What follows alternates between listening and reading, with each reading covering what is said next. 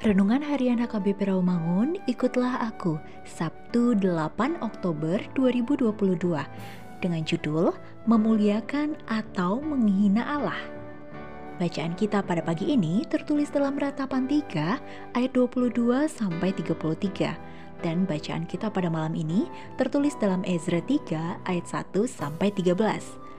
Dan kebenaran firman yang menjadi ayat renungan kita hari ini ialah 1 Samuel 2 ayat 30 yang berbunyi Sebab itu demikianlah firman Tuhan Allah Israel.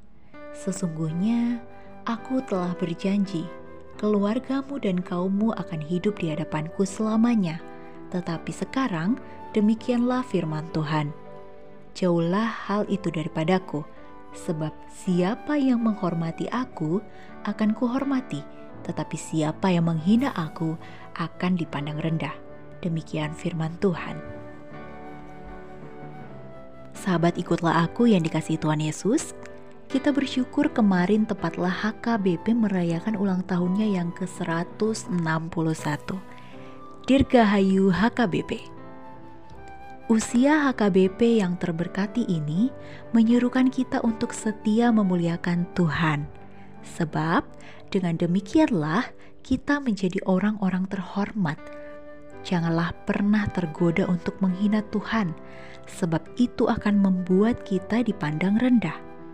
Setia memuliakan Tuhan, jauhlah dari kita perilaku yang menghina Tuhan yang justru akan membuat kita menjadi terhina dan rendah. Saudaraku, nas ini adalah bagian dari nubuatan tentang Eli beserta kaum keluarganya. Tuhan memang telah berjanji bahwa keluarga dan kaumnya akan hidup di hadapan Tuhan. Namun, Tuhan juga memperingatkan Eli, yakni pelanggarannya yang lebih menghormati anak-anaknya Hofni dan Pinehas yang tidak menaati Tuhan. Eli telah turut pula menikmati dan menggemukkan diri dengan korban sajian seperti yang tertulis dalam ayat 29. Mereka telah berdosa kepada Tuhan.